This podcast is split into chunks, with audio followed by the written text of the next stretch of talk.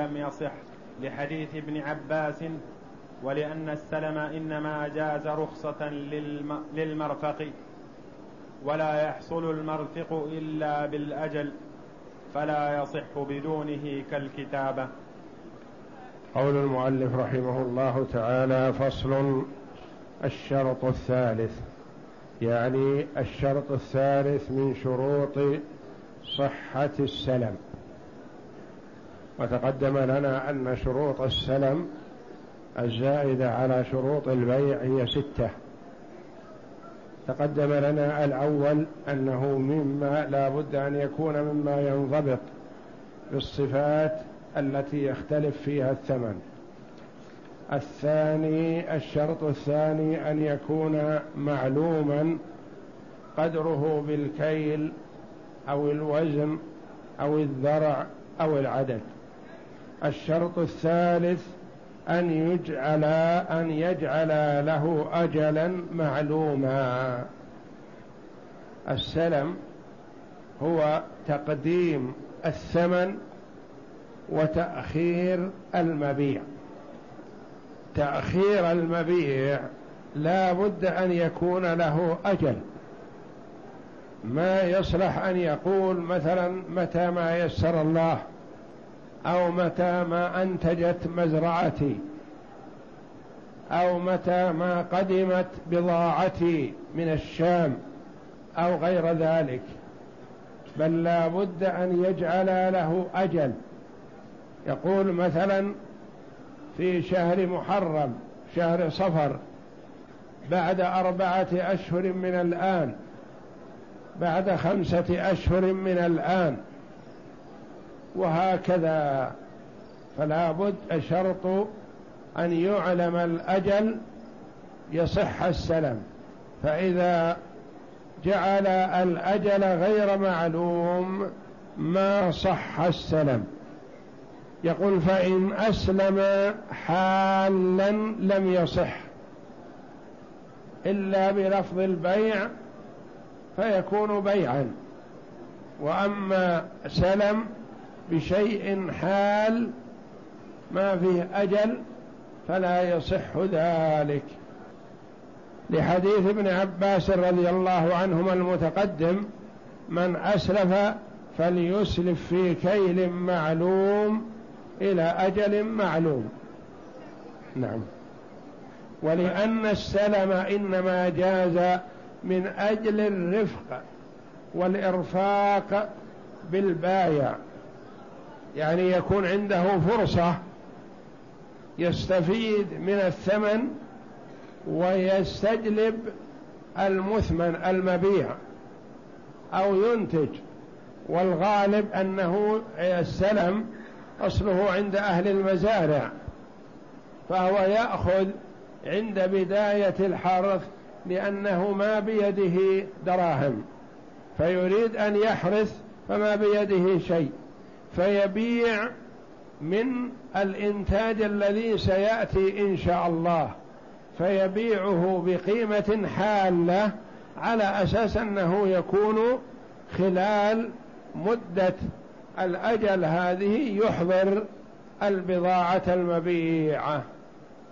نعم. فإن كان بلفظ البيع صح حالا قال القاضي ويجوز التفرق قبل قبض رأس المال لأنه بيع. إذا كان بلفظ البيع فيصح حالا ولا يلزم له أجل إذا كان بلفظ البيع. وأما إذا كان بلفظ السلم على أساس أن البيع بيع سلم فلا يجوز. نعم. لأنه بيع ويحتمل أن لا يجوز لأنه بيع دين بدين. ويحتمل أن لا يجوز السلم ولا يجوز البيع حالا لأنه يكون كأنه من بيع الدين بالدين. يعني ما فيه تسليم لا هذا ولا هذا يكون من بيع الدين بالدين فلا يصح. وإنما الأجل لازم للسلم. نعم. ويشترط في الأجل ثلاثة أمور. الأجل معلوم يعني التأخير لكن هذا الأجل يشترط فيه ثلاثة أمور. يعني الشرط الثالث من شروط بيع السلم الأجل. وما هذا الأجل؟ قال الأجل يشترط فيه ثلاثة أمور. نعم. أحدها كونه معلوما لقول الله تعالى إلى أجل مسمى. لقوله تعالى يا أيها الذين آمنوا إذا تداينتم بدين إلى أجل مسمى فاكتبوه. إلى أجل ما قال إلى أجل وإنما قال إلى أجل مسمى يعني إلى رمضان إلى ذي الحجة إلى صفر يعني أجل مسمى معلوم. نعم. لقول الله تعالى إلى أجل مسمى وللخبر.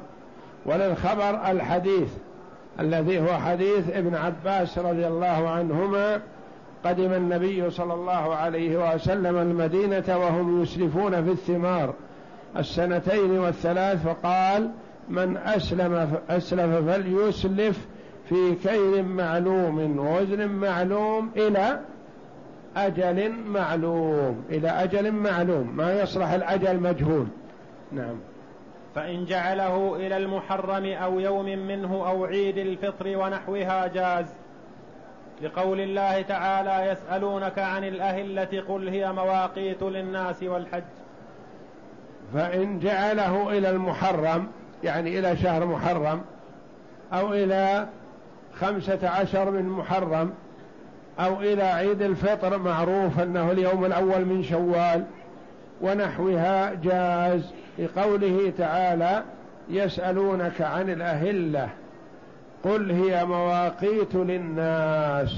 يعني جعلها الله جل وعلا هذه الأهلة مواقيت يوقت الناس بها بيوعهم وكتابتهم وديونهم وسلفهم وغير ذلك. لأن الناس سألوا النبي صلى الله عليه وسلم عن الهلال يبدو صغيرا ثم يكبر. قالوا لما؟ فأجابهم الله جل وعلا بما يستفيدون منه وترك إجابتهم فيما لا يستفيدون منه. هم سألوا عن حجم الهلال وأجابهم الله جل وعلا بفائدة الهلال وثمرته. فقال يسألونك عن الأهلة قل هي مواقيت للناس والحج يعني مواقيت للحج. بالأهلة تعلم المواقيت يعلم رمضان يعلم تعلم أشهر الحج يعلم يوم الحج الأكبر الذي هو يوم النحر يعلم يوم عرفة. بماذا تعلم هذه الأشياء؟ بالأهلة. نعم. وإن قدره بغير ذلك مما يعرفه الناس ككانون.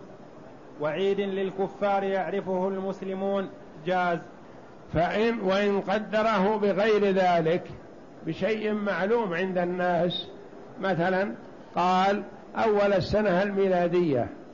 لأن الكثير من الناس يعرفون أول السنة الميلادية مثلا. فإن قدره بغير ذلك ما يعرفه الناس ككانون. كانون شهر من الأشهر الإفرنجية. وعيد للكفار يعرفه المسلمون. يعني عيد مشهور من أعيادهم. يجوز هذا. وإن كان الأصل أن المسلمين لا يقلدون الكفار في أعيادهم ولا في تواريخهم. والأصل أن المسلمين يتقيدون بما ورد في شرعهم. فتقيد المس... كثير من المسلمين الآن بالتاريخ الميلادي خلاف الأصل ولا يجوز لهم ذلك لأن عليهم أن يقيدوا بتاريخهم. وتاريخ المسلمين هو التاريخ الهجري وتاريخ الميلادي ليس لهم. لكن تغلب غير المسلمين على المسلمين جعل كثير من المسلمين يتبعهم. والواجب على المسلمين أن يكون عندهم اعتداد في أشهرهم وتاريخهم ومواقيتهم وهي واضحة جلية بينة. فعمر رضي الله عنه لما أتاه بعض كتابات مثلا كتب في شعبان ما يدراه في شعبان الذي قبل شهرين مثلا وثلاثة أشهر أو شعبان اللي قبل ثلاثة عشر شهر أو أربعة عشر شهر. فاستشار الصحابة رضي الله عنهم كيف يؤرخ للمسلمين. فقالوا بعثة الرسول صلى الله عليه وسلم قالوا فتح مكة قالوا كذا قالوا كذا استقر الرأي على التاريخ بالهجرة.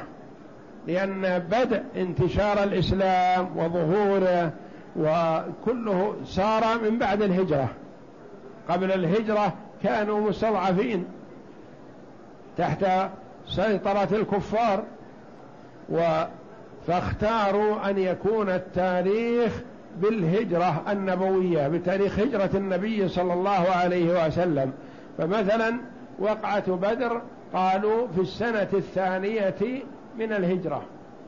صلح الحديبية في السنة السادسة من الهجرة يعني بعد ست سنوات من هجرة النبي صلى الله عليه وسلم. فتح مكة في السنة الثامنة من الهجرة. حجة النبي صلى الله عليه وسلم حجة الوداع في السنة العاشرة من الهجرة. والنبي عليه الصلاة والسلام ما حج إلا هذه المرة بعد هجرته إلى المدينة. وسميت حجة الوداع لأن النبي صلى الله عليه وسلم ودع الناس فيها. قال لعلي لا ألقاكم بعد عامي هذا. وفعلا بعدما رجع إلى المدينة عليه الصلاة والسلام من حجة الوداع بأشهر توفي في ربيع الأول عليه الصلاة والسلام. فالتاريخ الهجري هو تاريخ المسلمين وكون بعض المسلمين أو كثير من المسلمين يؤرخون بالميلاد هذا خلاف الأصل ولا ينبغي لهم ذلك بل عليهم أن يتقيدوا بتاريخ المسلمين. لكن لو أجل المسلمون بيوعهم وجعلوا مثلا تأجيلها وأجلها بالتاريخ الميلادي صح لأنه معروف ولا يختلف فهو معروف عند كثير من المسلمين. نعم. لأنه معلوم لا يختلف. وقال ابن أبي موسى لا يصح لأنه لا يعرفه كثير من الناس. وإن كان وقال ابن أبي موسى من شيوخ الحنابلة لا يصح التاريخ بتاريخ الإفرنج. بتاريخ غير المسلمين بتاريخ الروم أو الفرس وإنما الصحيح التاريخ بتاريخ المسلمين الذي يعرفه الكل أنهم يعرفونه برمضان والحج وأوقاتهم وعبادتهم وأيام الأيام الفاضلة وغير ذلك لأنها تعرف بماذا؟ بالتاريخ الهجري من قوله صلى الله عليه وسلم ما من أيام العمل الصالح فيها أحب إلى الله من هذه الأيام. يعني أيام العشر عشر ذي الحجة التي تبدأ من واحد ذي الحجة إلى اليوم العاشر منه. قالوا يا رسول الله ولا الجهاد في سبيل الله؟ يعني الجهاد في غير عشر ذي الحجة. ألا يعدل العمل الصالح في عشر ذي الحجة؟ قال ولا الجهاد في سبيل الله إلا نوع خاص من أنواع الجهاد. ما هو؟ إلا رجل خرج بنفسه وماله فلم يرجع من ذلك بشيء. يعني أنفق ماله في سبيل الله واستشهد في سبيل الله. هذا عمله يعدل العمل الصالح في شهر ذي الحجة في عشر ذي الحجة. فالعمل في عشر ذي الحجة العمل الصالح عمل فاضل جليل. من أين يعرف؟ يعرف بيناير وفبراير وغيره؟ لا. وإنما يعرف بشهر ذي الحجة. ويعرف بأشهر الحج أشهر الحج شوال وذي القعدة والعشر الأول من ذي الحجة. الأشهر الحرم ذي القعدة وذي الحجة والمحرم. ثلاثة أيام ثلاثة أشهر متوالية ورجب الذي بين جمادى وشعبان. فمواسم العبادة وتأدية أركان الإسلام من صيام وحج يعلم بماذا؟ بالتاريخ الهجري. ولهذا قال ابن أبي موسى لا يصح يعني لا يجوز للمسلمين أن يؤرخوا بغير تاريخهم. لأنه لا يعرف كثير من المسلمين وفعلا كثير من المسلمين في هذه البلاد خاصة لا يعرف الأشهر الفرنجية لأنهم يعرفون أشهرهم أشهر المسلمين أولها محرم وآخرها ذي الحجة. لكن في بعض البلاد الذي تقلدوا الفرنج في كثير من الأمور ربما المسلم ما يعرف الأشهر الهجرية ويعرف الأشهر الفرنجية. ولذا قال ابن أبي موسى لا يصح يعني لا يصح التاريخ والتوقيت بتوقيت غير المسلمين. نعم. وإن كان مما لا يعرفه المسلمون كالشعانين وعيد, وعيد الفطير لم يصح وجها واحدا. وإن كان مما لا يعرفه المسلمون كالشعانين عيد من أعياد النصارى ما ندري ما هو ولا ندري متى يكون. هذا ما يصح التأريخ به والتوقيت السلم. وعيد الفطير هذا عيد من أعياد اليهود كذلك. ما يصح أن يورخ بهذا وإنما بالأشياء المشهورة يتساهل فيها بعض الشيء. نعم. لأن المسلم لأن المسلمين لا يعرفونه ولا يجوز تقليد أهل الذمة فيبقى فبقي مجهولا. نعم. وإن جعل الأجل إلى مدة كشهر معين تعلق بأولها وإن جعله بمدة معينة كشهر معين مثلا قال إلى متى؟ متى تسلمني؟ قال أسلمك مثلا في شهر محرم. نقول يتعلق بأوله. أول محرم يسلم. لأنه إذا قال أسلمك في محرم تعلق بأوله.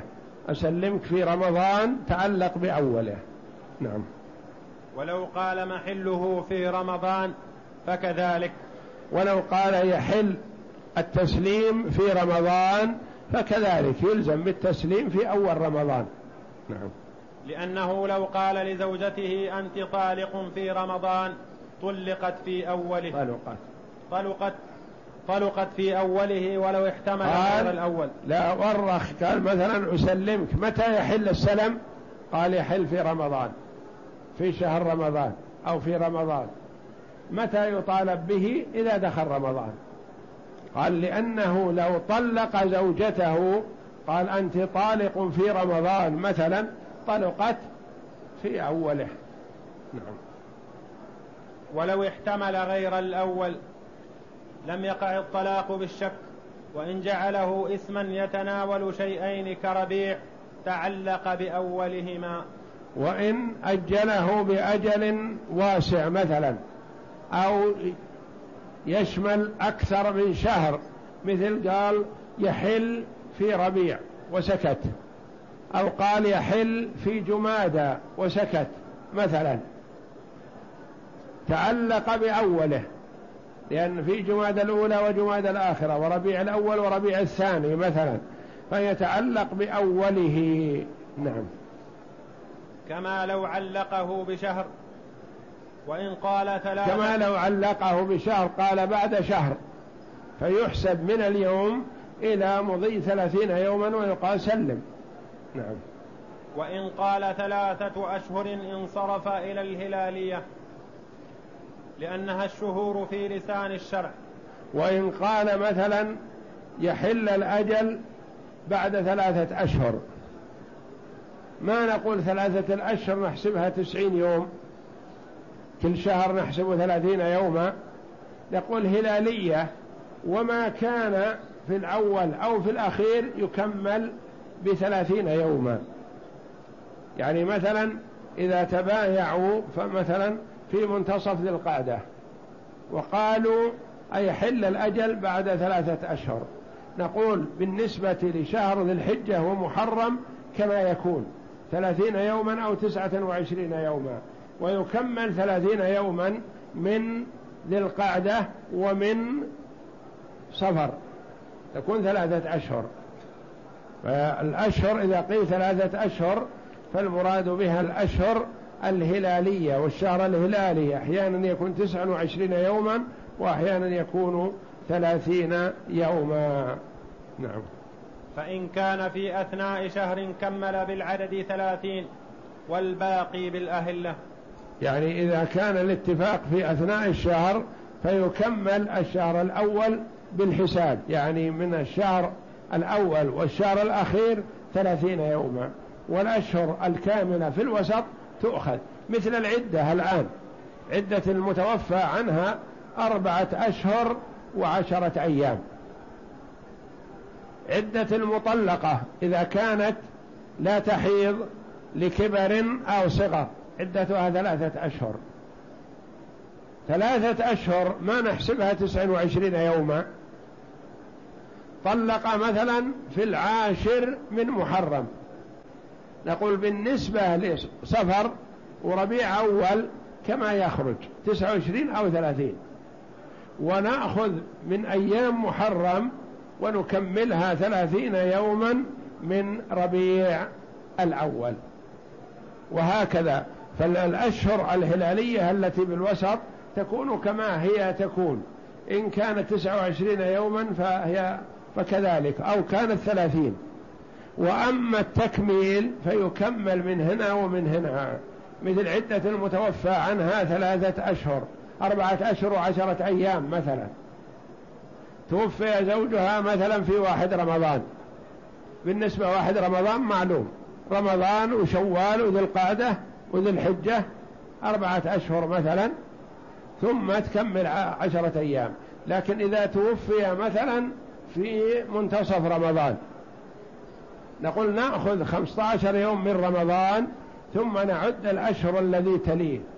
شوال وذي القعدة وذي الحجة هذه كاملة. أيا كانت خرجت تسعة وعشرين أو ثلاثين. ثم نأخذ خمسة عشر يوم من رمضان مع نكملها أربعين يوما مع الثلاثة الأشهر تكون عشر ثلاث أربعة أشهر وعشرة أيام. نعم. الأمر الثاني أن يكون مما لا يختلف فإن جعله إلى الحصاد والجذاذ والموسم لم يصح. الأمر الثاني في الأجل الأجل لابد أن يكون محدد. ما يصلح مثلا يقول إلى الصيف ولا يصلح أن يقول مثلا إلى الجذاذ ولا يصلح أن يقول إلى الحصاد. ولا يصلح أن يقول إلى قدوم الحاج لأن هذه تختلف. أحيانا يتقدم الحصاد والجذاذ عشرة أيام وأحيانا يتأخر عشرة أيام. الحج الحاج ما يقدمون في يوم معين قد يقدمون ويتأخرون أو يتقدمون ما ينضبط. والصيف كذلك. قد لا يعرف اليوم الذي يبدأ فيه الصيف مثلا. فلا بد أن يكون شيئا لا اختلاف فيه. نعم. لأن ابن عباس قال لا تبايعوا إلى إلى الحصاد والدياس ولا تتبايعوا إلا في شهر معلوم. لا تتبايعوا إلى الحصاد لأن الحصاد ما ينضبط وقته يتقدم ويتأخر. ربما يكون الجو بارد وفي أمطار كذا فيتأخر الحصاد. أو يكون فيه نشوفة وصيف فيبادرون الناس بالحصاد. يقول ابن عباس رضي الله عنهما لا تتبايعوا إلى الحصاد والدياس. الدياس دياس الزرع مثلا لأن الزرع بعدما يحصد ينشف ثم يجعل في مكان تدوسه البهائم من أجل أن يخرج الحب الذي فيه. وكان هو المستعمل قبل فترة قبل وجود هذه المكاين التي تستخرج الحب من السنبل. كانوا ما يستخرجونه إلا بالدياس. تدوسه البقر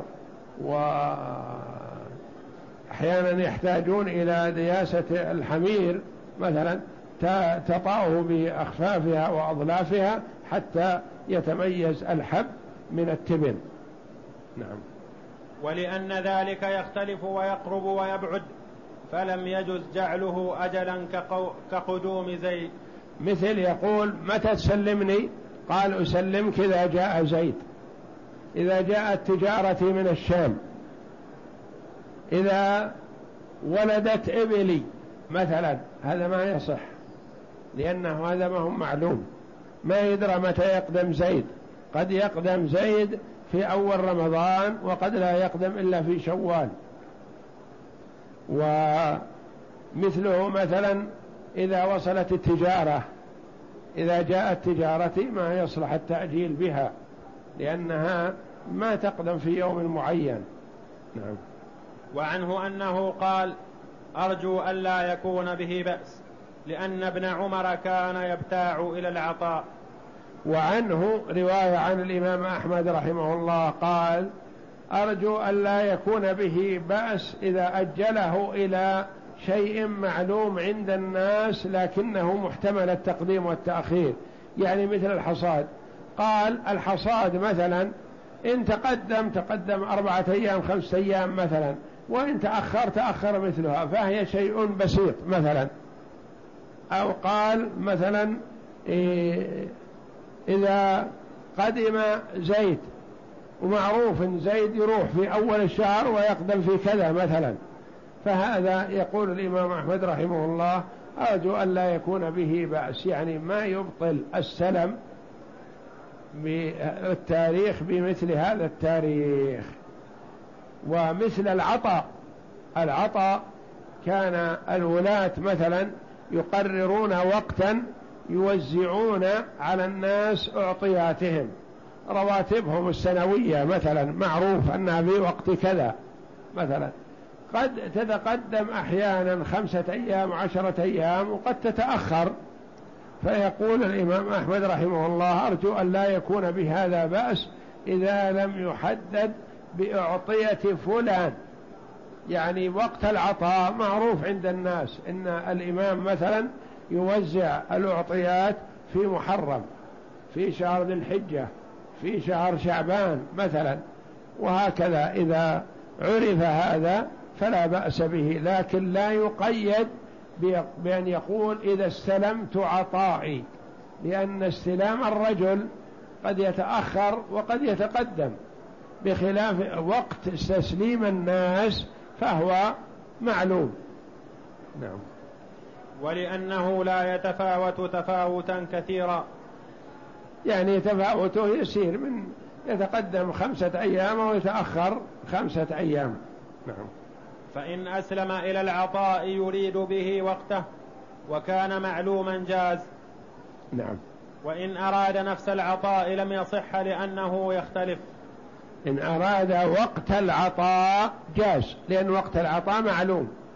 وإن أراد وقت استلامه هو فلا يجوز لأنه قد يتأخر وقد يتقدم كثيرا. نعم. الأمر الثالث أن تكون مدة لها وقع في الثمن كالشهر ونصفه ونحوه. الأمر الثالث الذي يشترط في تأجيل السلم أن تكون مدة لها وقع في الثمن. يعني يمكنه يستفيد من القيمة ويعمل لتوريد المبيع. مثلا ما يجعل السلم وقته يوم أو يومين مؤجل وإنما يكون له أجل كالشهر ونصف الشهر وستة أشهر سنة مثلا. يكون له تأثير. نعم. فأما اليوم ونحوه فلا يصح التأجيل به لأن الأجل إنما اعتبر ليتحقق المرفق. ولا يتحقق. ولا يتحقق إلا بمدة طويلة. فلا بد أن يكون فيه أجل يستفيد منه يكون فيه إرفاق بالبايع.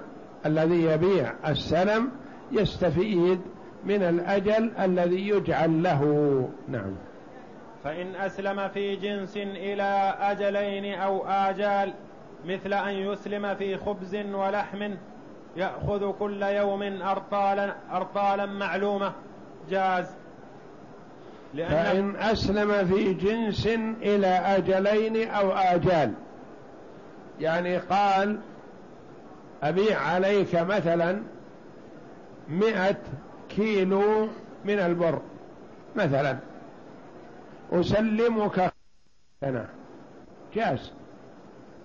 أو آجال كثيرة متعددة مثلا.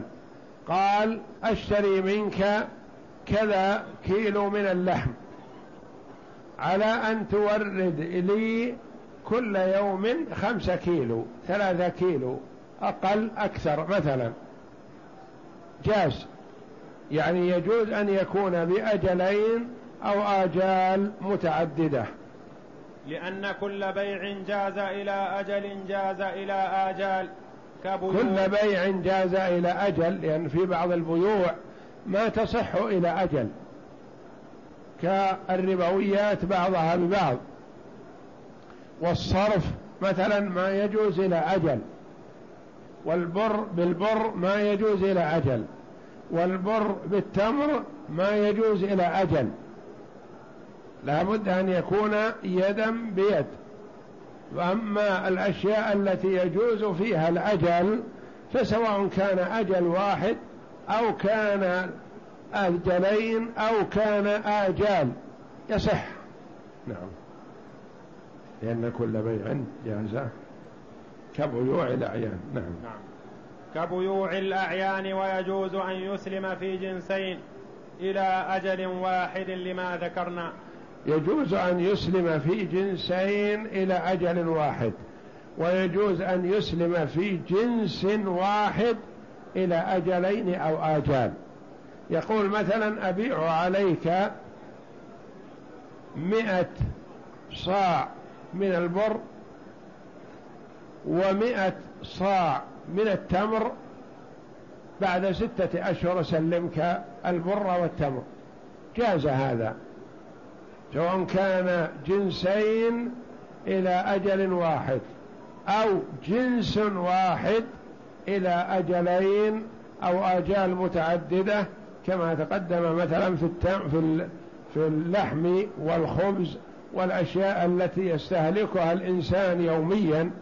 يتفق مع راعى الخبز مثلا على أنه يحضر له في كل يوم كذا مثلا. فيجوز أن يكون الجن أن يكون الجنسان بأجل واحد ويجوز أن يكون الجنس الواحد بآجال متعددة. والله أعلم. وصلى الله وسلم وبارك على عبد ورسول نبينا محمد وعلى آله وصحبه أجمعين.